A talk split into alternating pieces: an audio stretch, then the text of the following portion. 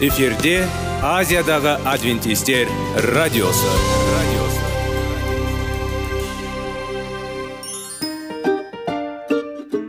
Сәлем достар. Денсаулық өмір бұлағы және біздің бірінші байлығымыз демекші денсаулық сағаты рубрикасына қош келдіңіздер. Біздің рубрикада біз әртүрлі факторларменен мәліметтерменен кеңестерменен бөлісіп шын жүректен сіздердің дендеріңіз сау болғанын қалаймыз. Сол үшін біздің рубрикаға қош келдіңіздер. Дайындалып тұрыңыздар. Өйткені келесі минуттарда қызықты фактілерге ие боласыздар. Енді достар ең бірінші байлығымызды қолымызға алып алға кеттік.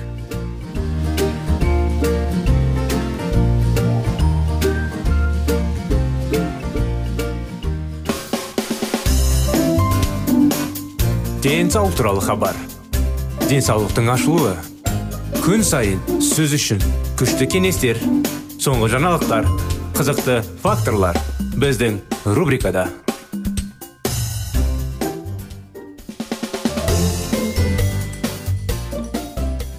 сәлем достар не деген керемет өз өзіңді керемет сезіну таңертең тұрған кезде өзіңді керемет сезіну уақытылы жатып уақытылы тұрып әрине азынан кешкен көңілді болып ешқайырың ауырмайды басың ауырмайды көңілді соның бәрі құрметті достар оның бәрін іске асыруға болады оны іске асыру үшін біздің бағдарламаны жиі тыңдап отырыңыздар. Сәлеметсіздер ме ассалаумағалейкум құрметті біздің радио тыңдаушыларымыз. Сіздермен бірге денсаулық сағат бағдарламасы. Денсаулық сағат бағдарламасында жаңа айта кеткендей өзіміздің керемет сезіну үшін әрине дұрыс әдеттер жайлы және де жеміс жидектер жайлы. Сол сияқты тағы басқалар көптеген тақырыптарды әңгімелеп талдаймыз кеңестер аламыз. Соның бәрі біздің ағзамызды керемет қылу үшін. Расында да денсаулықты күте білу керек. Бір кісі өмір бойы ақшаны таб, табу үшін денсаулықтың бәрін құртты. Ақша тауып және де дүниені көбейту үшін. Иә жарайды. Ақшаның бәрін көп тапты банк счет ашып соның бәрін толтырды. Дүниесі бар керемет жағдайы күшті. Бірақ соның бәрін жинаған үшін денсаулығын құртты. Әрине кейде уақытылы ұйықтамайды уақытылы тамақ ішпейді уақытылы су ішпейді дене шынықтыру жасалмайды. Әрине көптеген мүмкін ауыр нәрселер көтеріп көп жұмыс істеп көп ойлап соның бәрі әрине әсер. Ақшаның табу үшін көптеген іс әрекеттер қолданды. Және де дүниенің бәрін не істеу үшін. Одан кейін уақытысы келгенде әрине ол кісі не істеді?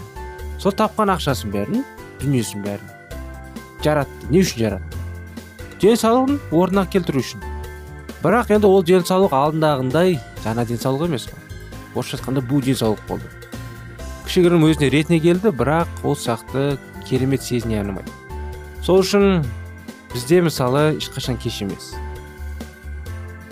Егер де сіз уақытылы біз бағдарлама тыңдап отырсаңыз біз бағдарламадан алыстамай жүріңіздер. Өйткені біздің бағдарлама жаңа айта кеткендей әрдайым уақытылы бәрін істеуге тырысамыз. Соңғы бүгінгі күндестермен дұрыс әдеттер жайлы тақырыптар. Бүгінгі дұрыс әдетіміз газдалған және тәтті сусындардың орнына газдалмаған суды ішу әдеті. Адам ағзаның көп бөлігі су болып табылады. Сондықтан су бізге ауамен немесе тамақ сияқты қажет. Бірақ әдеттегі суды ішу әртүрлі сусындар сияқты жағымды және дәмді емес шай кофе тәтті компот немесе газдалған сусындар. Ал газдандырумен не істеу керек? Сұрайсыз. Бұл туралы бізге бүгін сізбен сөйлесеміз. Газдалған тәтті сусындардың орнына газдалмаған су ішіңіз. Не үшін? Тәтті газдалған сусындарды үнемі тұтыну денсаулыққа зиянды жоғары қырқылдық пен қант құрамының үйлесімі деңгейі теріс әсер етеді. Сондықтан қарапайым суды ішу пайдалы. Бірақ кәдімгі судың айқын дәмі жоқ. Сондықтан көптеген тәтті лимонад пен басқа да газдалған сусындар ішеді. Алайда егер қарапайым таза су ағзадағы сұйықтық жетіспеушілігін толтырса кейбір сусындар керісінше денеге зиян келтіруі мүмкін. Ең жиі ең зиянды газдандыру деп аталады. Газдалған және тәтті сусындардың орнына газдалмаған суды ішкен кезде не болады? Біздің денемізге таза су қандай пайда әкелетінін бәрі біледі. Алайда біздің көпшілігіміз оның пайдасын біле тұра басқа сусындарды тұтынуды қалайды. Бұл ретте қалыпты ауыз суды аз немесе дерлік пайдаланбастан суды жиі ішу үшін ондаған себептер бар. Таза су бұл әлемдегі ең керемет медицина өте тиімді тиімді және арзан. Біздің денемізде су екі маңызды функцияны орындайды. Өмірді қолдайды және өмірдің көзі болып табылады. Егер біз осы үдерістің барлық маңыздылығын түсінетін болсақ онда өмірді сақтап денсаулықты табиғи түрде сақтай аламыз. Егер газдалған тәтті сусындар таза газдалмаған су ішсе не болады? Кең таралған жасанды сусындардың кейбірі біздің денемізде кәдімгі суға қарағанда басқаша көрінеді. Сусындар құрамында су бар. Бірақ олардың көпшілігінде кофеин сияқты сусындардың ингредиенттері бар. Бұл заттар денеден суды және оның қорларын шығарады. Сонымен қатар бір жарты литрлік бөтелкеден денеге де 10 шай қысық қан түседі. Бұл ең көп ұсынылған күнделікті доза болып табылады. Біз артық қанттан айнып қалмаймыз. Өткен тәтті суда болатын фосфор қышқылы қантты сіңіруге мүмкіндік береді. Біраз уақыттан кейін қандағы қант мөлшері артады. Бұл инсулиннің шығарылуына әкеледі. Бауыр қантты майға айналдыру арқылы жауап береді. Бірақ бұл бәрі емес. Фосфор қышқылы метаболизмді күшейте отырып ішектегі кальций магний және мырышты байланыстырады. Кальцийдің несеппен бөлінуі артады. Мұның бәрі ағзаның өмірінде аурулар мен ауыр бұзушылығына әкеледі. Не істеу керек? Келесі ұсынысты орындап көріңіз және ояту бойынша бір стакан су 200 мл ішіңіз. Әр тағам алдында бір стакан тамақ ішудің арасында бір стакан сіз әрқашан бөтелкеде қарапайым таза су. Әсіресе ыстық жаз мезгілінде болсын. Бұл сіз ішуді қаласаңыз газ құюды сатып алуға азғырылуға көмектеседі. Егер сіз әдетте күніне шай кофе немесе тәтті газдалған көп ішсеңіз оның ауыз сумен ауыстырыңыз. Сіз өз денсаулығыңызды сақтап қана қоймай үнемдейсіз. Мінекей осындай кеңестер құрметті достар бүгінгі күнде. Сізге зер денсаулық тілейміз. Сізге де бала шағаңызға да. Егер сіз жас кісі болсаңыз қазірден бастап қолданыңыз. Егер де үлкенде болсаңыз сіздердің балаларыңыз немерелеріңіз болса әрине сізге де әлі кеш емес дұрыс су ішіп уақытылы су ішіп өзіңіз ағзаңызды күте отырсаңыз өзіңізді әрдайым керемет сезінесіз балаларға да соны тілейміз. Осымен бағдарламамыз аяғына келіп жетті. Сіздерді қуана келесі бағдарламамызға шақырамыз. Келесі бағдарламаға дейін сау саламат болыңыздар.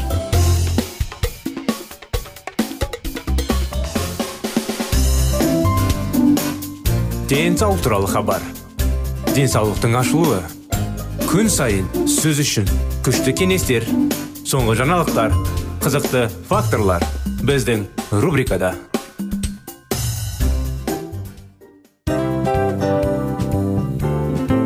Әуелі байлық денсаулық екінші байлық он саулық үшінші байлық ақ жаулық ал енді осындай радио парақшадан кейін не дейміз?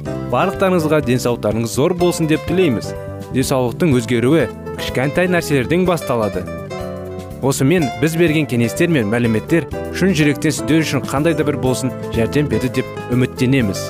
Тыңдаушыларымызбен келесі радио парақшасына дейін қоштассамыз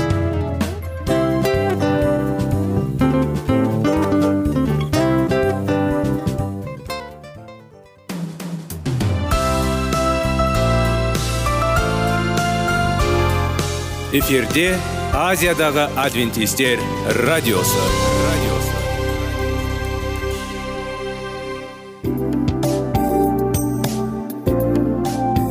Сәлем достар.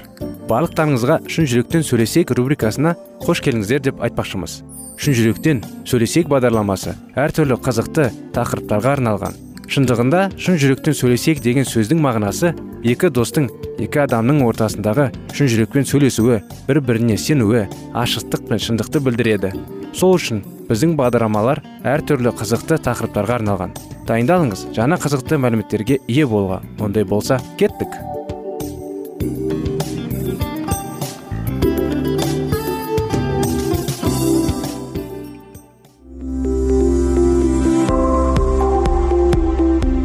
алтын сөздер. Сырласу. Қарым қатынас жайлы кеңестер мен қызықты тақырыптар. Шын жүректен сөйлесейік рубрикасында.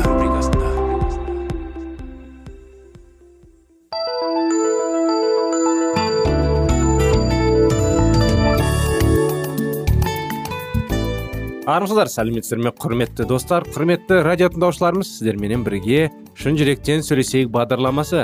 Қош келдіңіздер. Мінекей сіздердің назарларыңызға шектеулер кітабын жалғасудамыз. Өйстіп бүйтіп мінекей екінші бөлімге де келіп қалдық. Шектеулердің себебінен болатын қақтығыстар жайлы. Жетінші шектеулер және сіздің отбасыңыз жайлы тақырыпша. Сьюзимен сан рет кездестірген қиындыққа тап болды. 30 жастағы бұл әйел ата анасының үйінен қашанда терең күйзеліске ұшырап қайтады екен. Өзінің басындағы қиындығы туралы әңгімелеп болғаннан кейін мен одан ата анасының үйінен әрбір кезде ауыр көңілде қайтатынын байқаған не байқамағанын сұрадым. Бірақ бұл қиынсыздық қой деп жауап берді ол. Мен енді ол жерде тұрмаймын. Жай ғана онда барып қайту маған қалайша осыншалықты әсер етеді сьюзи ата анасының үйіне отбасылық мерекелерде барады екен. Туыстарының бәрі жиналып кейде достары да шақырылады екен. Ол тек өздері ғана жиналған кезде әсіресе қызықты болатынын айтты. Тек өзіміз ғана дегенде не айтқыңыз келді? деп сұрадым мен. Кейде әке шешем менің достарымды да шақыратын және мұндай жиындар маған ұнамайтын деп жауап берді ол. Неліктен? Сәл ойланып қараған ол ондай кездері мен өзімді кінәлі сезіне бастаймын деді. Ол ата анасының бір қарағанда елеусіз болып көрінетін ескертулер жасайтындай есіне алды. Осыны әрбір ескерту кезінде ол өз өмірін достарының өмірлерімен салыстыра бастайтын олар балаларды тәрбиелеуде кез келген жағдайда да атасы мен әкесінен кеңес сұрап отырудың жақсы болатыны туралы айтатын. Олар мұның достары айналысып жерген қоғамдық жұмыстарын мақтайтын және егер ата анасының жақын маңда тұрғанда онда мұның да солардың арасында тамаша жұмыс істеп жүру мүмкін екенін айтты. Мұнда ескертпелердің тізімінің шетсіз шексіз жалғастыра беруге болар еді. Арада көп өтпей ақ сюзи ата анасының үйінен көзін кінәлі сезініп қайтатынын аңғара бастады. Оған өзі шынымен де ата анасының қалауларын орындауға міндетті секілді болып көрінетін. Сюзидің басындағы бұл жағдайда тұрған әдетте тыс ештеңе жоқ. Сырттай ол өзін үшін бәрін өзі таңдады. Ол өскен ұясынан кетіп кәсіби мамандығын таңдап алды және қызметінде табысқа жетуге тырысты. Ол шығындарын өзі тіледі. Тіпті ол күйеуге шығып өмірге бала келді бірақ іште бәрі басқаша болатын. Ол өз бетінше өмір сүруге тыңдауды өзі жасауға және ата анасының тілегіне қайшы келген кезде өзін кінәлі сезінбеуге сезімдік рұқсат алған жоқ. Ол бұрғысынша қысымы иліге беретін. Мәселенің тамыры іште жатыр. Шекаралар адамның меншіктерін айқындайтын сезімге түсіріңіз осындай қиындыққа тап болған өзге де адамдар тәрізді. Сьюзи өзіне шын мәнінде иелік етпеген. Өз өмірлерін өздері басқарып өз беттерінше шешім қабылдайтын адамдар өздерінің кінәлі сезінбейді. Әрине олар өзгелердің пікірлерімен санасады. Бірақ біреудің қалауына сай шешім қабылдаған кезде олар мұны кінәлік сезімнен емес сүйіспеншіліктен жасайды. Шекаралардың шектелуінің белгілері келіңіз. Өзіміз өскен отбасындағы шекаралардың жетіспеушілігін жалпы белгілерін қарастырып көрейік. Жұқпалы дерт. Мұндай жағдай әдетте былай болады. Жұбайлардың бірінің өзі шыққан отбасымен дұрыс қалыптасса сезімдік шекараларды болмайды. Енді отбасының мүшелерінің бірімен байланысқа түскен мейлі телефон арқылы мейлі жүзбе жүз болсын әрбір сәтте ол күйзеліске ұшырап өзін сынған ала бастайды. Және бәрін тамаша етіп істеуге немесе кездесуден мүлде бас тартуға тырысады. Ол өзінің шыққан отбасынан бір нәрсені жұқтырып оны жұбайына немесе балаларына таратып жатқан сезімді болады.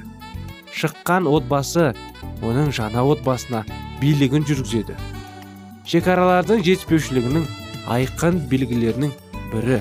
Бұл сіздің бір адаммен қарым қатынасыңыздың екінші адаммен қарым қатынасыңызға әсерін тигізу. Сіз бұл адамға өз өміріңізді басқаруға үлкен билік беріп қоясыз. Психотерапевтік сеанстарға үзбей қатынасып жүрген бір жас әйел анасымен сөйлескен кейін үш апта бойы жоқ болып кетті. Кейін қайтып келген ол мұны былай түсіндірді. Мен мүлде өзгеретін емеспін. Жағдай еш жақсармайды. Оның өзі туралы көзқарасы анасының көзқарасына тәуелді болған. Ол жеке тұлған ретінде тіршілік етуге мүлде қабілетсіз еді. Бұл тәуелділік оның өзге адамдармен қарым қатынастарына да әсерін тигізді. Анасымен жаңа достарын жиында сөйлескеннен кейін ол солардың бәрінен бойын аулақ салды. Оның өмірі анасына тәуелді болды. Өз өміріне өзі иелік еткен жоқ. Көлеңкеде қалу. Айтсам сенбейсіз деді дэн. Әйелім оның бар тілегін орындауға дайын тұрды. Ол ескерту жасаса әйелім бұрынғыдан бетер тырысады. Және мені мүлдем көзгелмейді мен оның өміріндегі екінші дәрежелі еркек болудан шаршадым. Дэн джейннің ашынасы туралы айтып тұрған жоқ. Ол әйелінің әкесі жайлы айтып тұр. Дэн джейннің өзінен гөрі әкесінің қамын көбірек ойластың сезінуді шаршады. Бұл туыстарымен арада шектеулердің болмауының белгісі. Бұл жерде оның жұбайы өзің олардың көлеңкесінде қалағандай сезінеді. Ол жұбайының өзіне емес әке шешесіне шын берілген көреді. Құдайдың жоспары бойынша адам әке шешесін тастап әйеліне берік қосылады. Сөйтіп екеуі біртұтас болады. Келік тапты тастап деп айтылған еврей сөзі сондай ақ байланысты әлсірету қара үзу деп те аударылады. Некенің сәтті болу үшін жұбайдың ата анасымен байланысын азайтып өз отбасымен жаңа байланыстар орнатуы қажет. Мінекей осындай анықтама осындай мәліметтер құрметті достар бүгінгі күнде бағдарламамыз осымен аяғына келді. Сіздерді келесі бағдарламаға шақырып келесі жолға дейін сау сәлемет болыңыздар дейміз.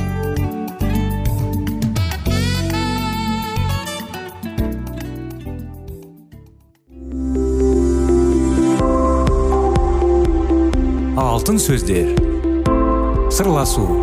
Қарым қатынас жайлы кеңестер мен қызықты тақырыптар. Шын жүректен сөйлесейік рубрикасында.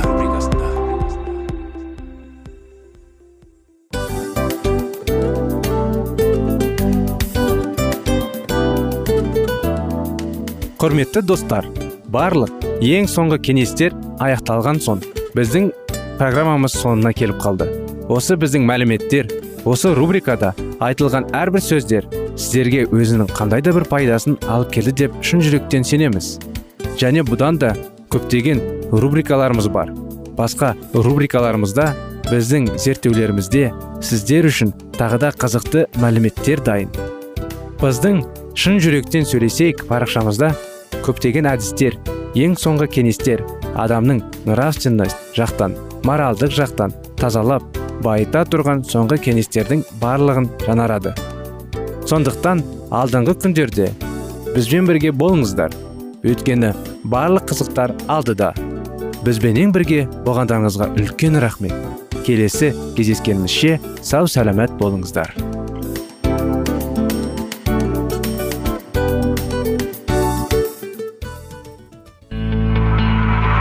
Жан дүниеңді байытқан жүрегіңді жаңғыртқан өмірдің мағынасын ойландырған рухани жаңғыру рубрикасы.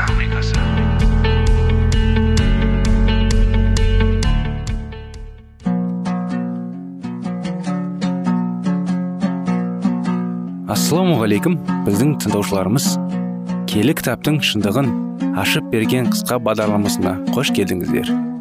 Барлығынан жоғары жаратушы біздің қарыңғылықта жалғыз қалдырып қойған емес. Өйткені ол келешекте не болу керек екенін киелі кітаптың парақтарында ашып береді. Немесе келіңіздер бізге қосылыңыздар. Жаратушы бізге нен ашып бергенін зерттейміз. Ассалаумағалейкум ә, сәлеметсіздер ме? Біздің құрметті тыңдаушыларымыз біздің достарымыз әрине бүгінгі біздің бағдарламаға қосылып жатқан бірінші рет естіліп жатқан қонақтарымыз болса тыңдаушыларымыз болса сіздерге де сәлем жолдаймыз. Және де біздің рухани жаңғыру бағдарламасына қош келдіңіздер деп айтпақшымыз сіздерге. Сондықтан рухани жаңғыру бағдарламасында енді өзің тақырыптың және де бағдарламаның аты өзі айтып отыр. Рухани тақырыптарды талдаймыз біз бағдарламада. Рухани жайлы кеңестер аламыз және кітаптар оқимыз және диалогтар жүргіземіз. Сондықтан қазір сіздермен осы уақыт соңғы кездері талдап зерттеп бірге оқып жүрген кітабымыз жаратушыға апарар жол жайлы. Соңғы уақыттарда өткен тақырыбымыз әрине жаңағы күнә жайлы. Күнәнің мойындауы құдайға бәрін қолын, қолына табыстап күнәмізді кешіріп әрине құдайдың кешірімін қабылдап құтқаруын қабылдап сонда біз өзіміз ештеңке істей алмаймыз. Біздің қолымызда ештеңке келмейді. Өйткені біз енді пендеміз ғой. Сол жайлы қалай енді. Өткен жолы сол тақырыпқа зерттеп келесі жолы жалғастырамыз деген едік. Сонымен жалғастырақ былай. Біз мәсікке жақындаған сайын рухани көзқарасымыз тереңдей түсуіне байланысты. Өзіміздің мінез құлықтарымыздан көптеген кемшіліктерді де көре бастаймыз. Құтқарушымыздың мінез құлқының көркемділігімен және кемділігімен салыстырғанда біздің бойымыздағы жетілгендігіміз айқын көрініп тұрады. Осының өзі азғырушы шайтанның бізге деген жиілік билігі жоғалды құдайдың киелі рухының әсері біздің танымызды жандарытып ізгілікке мінез құлық көркемдігіне жан тазалығына жетілгендікке айқын айғақ бола алады. Өзін күнәкар деп сезінбейтін адамның бойында исаға деген терең сүйіспеншілік болмайды. Оның рахымы ғибраты мол өңгесі арқылы өзгеріп жанарған жүрек әрқашан оның тәңірлік мінез құлқына таңдана қарап сүйсінетін болады. Егер біз өзіміздің ішкі жан дүниеміздің рухани деген төмен екендігін көрмейтін болсақ онда бұл иса мәсіхтің мінез құлқының көркемдігін толықтығы біз әлі де болса жетке түсінбеушілігіміздің куәсі екендігіне шүбәміз біз неғұрлым өзімізді жоғары көтермей мақтаныш сезімге бөленбейтін қарапайым болсақ соғұрлым жанымыз таза болып өзіміздің құтқарушымыздың баға жетпес жан тазалығы мен тартымдылығын жоғарғы бағалайтын боламыз. Біз өзіміздің күнәқар екендігімізді сезінер болсақ өзіміздің әрқашанда кешіріп ақиқи жолға сала алатын жан дүниемізге жарық нұрлы сәуле беретін құтқарушымызға бет бұрып мойын ұсынатын боламыз. Біз жан дүниеміздің дәрмендігін сезінетін жағдайда иса мәсіхті іздейтін боламыз. Ол өзіне сенген жанға өзінің даңқты сипатымен ашыла түседі. Құдайдың сөзін және мәсіхті неғұрлым көп қажет ететін болсақ оның мінез құлқы туралы соғұрлым көтерлікті әрі жоғары сезімді пікірде болып оның жарқын бейнесін толықтай көрсете алатын боламыз. Мінекей кітабымыздың келесіңгі тақырыбы ішіндегі мәсіхпен бірге өсу деген. Бізді құдайдың рухани баласы болуға алып баратын жол. Келі кітапта көрсетілгендей жоғары жақтан қайтадан туылып жан дүниенің жанары жолы болып табылады. Сонымен қатар бұл құбылыс себушінің сепкен қайырлы да ізгі дәнің өсіп өнуімен салыстырылады. Исаға жаңадан ғана бет бұрып ақиқи жолға түскен адам жаңа туған сәбидің түске шөліктегіндей құдайдың рухани ұлына сеніп оны жақын білу арқылы мәсіхтің кемелдігіне сай келетін. Деңгейге дейін өсіп жетілуі тиіс. Егін жай албақпына себілген қарайлы дән сияқты жетіліп өз жемісін беруі тиіс. Ишая пайғамбар оларды жаратқан иенің өзі отырғызған мықты ағаштарды деп аталады деп атап өткен болатын. Табиғат әлемінің аланған бұл мысалдар бізге рухани өмірдің жұмбақ құбылыстарын жақсырақ түсінуімізге көмектеседі. Ең кішкентай тіршілік иесіне өмір беру үшін адамның даналығы мен ақылы жеткіліксіз. Өсімдіктер мен жануарлар құдайдың құдіреті күшінің арқасында тіршілік етуде адамның бойындағы рухани өмір тек қана құдайдың жаратуымен ғана пайда болады. Кімде кім қайтадан туылмаса құдайдың патшалығына кіре алмайды. Ал иса мәсіх дүние әлеміне осы ұлы мақсатты орындау үшін келген еді. Өсу туралы да осындай пікірді айтуға болады. Өсімдік құдайдың құдіреті күші арқылы гүлдеп жеміс берді. Құдай ең алдымен дәнге көк өскінді содан кейін мысаған шығарып соңынан масатын дәнмен толтырады. Жосая пайғамбар былай дейді израиль лала гүлі сияқты гүлдеді ал жаңа жерде ұлан асыр астық өседі жүзім сабақтары сияқты гүлдейді жосая пайғамбардың 14 тарауның жиырма сегізінші аяты иса бізге мұны ұсынады қызылқалдақтардың лала гүлдерінің қалай өсіп тұрғанын көңіл бөліңдерші дейді луқаның он екінші тарауының жиырма жетінші аятында өсімдіктер мен гүлдер өз күшімен өсіп жетілмейді өйткені өсімдіктердің тіршілік ету үшін қажетінің бәрі құдай береді жас сәби қалай тырысқанымен де өз бетімен өзіне өзі бой қосып өздігінен өсіп жете алмайды сол сияқты сендер де өз күштерімен немесе әрекеттерімен рухани деңгейлерінің өсуіне қол жеткізе алмайсыңдар дейді. Өсімдік те бала да қоршаған ортадан ауа күн сәулесі тамақ сияқты өздеріне керектігін бәрін алады. Соның нәтижесіне өсіп жетіледі ғой. Өзіне сеніп артқан пенделерге иса аса қажет екендігі сияқты табиғатының осы сыйлары өсімдіктер мен жануарларға да аса қажет. Керек кітапта саған қажеті болмайды. Керек кітапта саған күндіз күннің нұрын шашып күнде айтатын сәулесін түрісудің қажеті болмайды дейді. Керек кітап емес. Мен құдай мен мен құдай иең өзім менің мәңгілік нұрыңмен салтанатты ұлылығын боламын дегендей иса олар үшін мәңгілік жарық күн және қалқан болады. Ол израиль үшін жерге шөпке түскен шық іспен шөбі шыбылаған шабындаған жауған жауын жерді суландырып жауын тамшылар ретінде жарайды. Ол көктен түсіп адамзатқа өмір беруші құдайдың наны. Мінекей достар осындай салыстырмалы қалай енді көзқарастар болып жатыр әрине рас айтылған енді. Кішкентай бала өзінен өзі өсе алмайды дұрыс қой өзінен өзі тамақ іше алмайды өйткені біраз нәрсені ол әлі кішкентай болған істей алмайды сондықтан біз де рухани кішкентай болғандықтан біз құдайсыз ештеңеге жете алмаймыз өскенімен де әрдайым біз құдайдан қамқор алып құдаймен енді губка сияқты дейді ғой орысша айтқанда ә, сіндіріп отыруымыз керек құдайдың рух, рухының батасын. Сондықтан достар бұл тақырыптың жалғасы келесі жолы болады. Сіздерге сау саламатты болыңыздар дейміз. Рахмет сіздерге.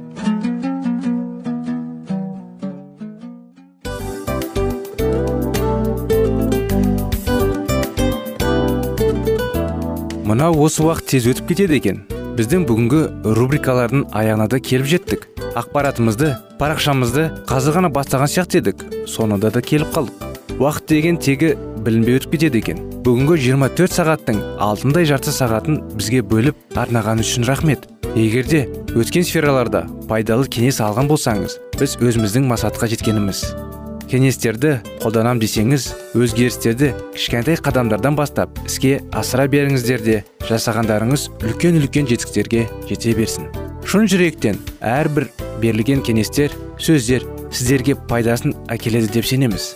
Сіздермен бірге кездесулерімізді сөзсіз түрде асыға күтеміз. Сәтті күн тілеп сіздер менің ұзаққа қоштаспай келесі кездескенімізше тек қана сау саламатты болыңыздар дейміз. Достар біздің бағдарлама бойынша сұрақтарыңыз болса әрине сіздерге керекті анықтама керек болса біздің whatsapp нөмірімізге хабарлассаңыздар болады. Плюс бір үш жүз бір жеті жүз алпыс алпыс жетпіс. Иә достар сіздер қателеспедіңіздер бұл біздің номерлерге ұқсас болмаса да бұл whatsapp номер арнайы. Хабарласыңыздар сұрақтарыңызды қойып тұрыңыздар. Анықтаманы алып тұрыңыздар. Плюс бір үш жүз бір жеті жүз алпыс алпыс жетпіс whatsapp номері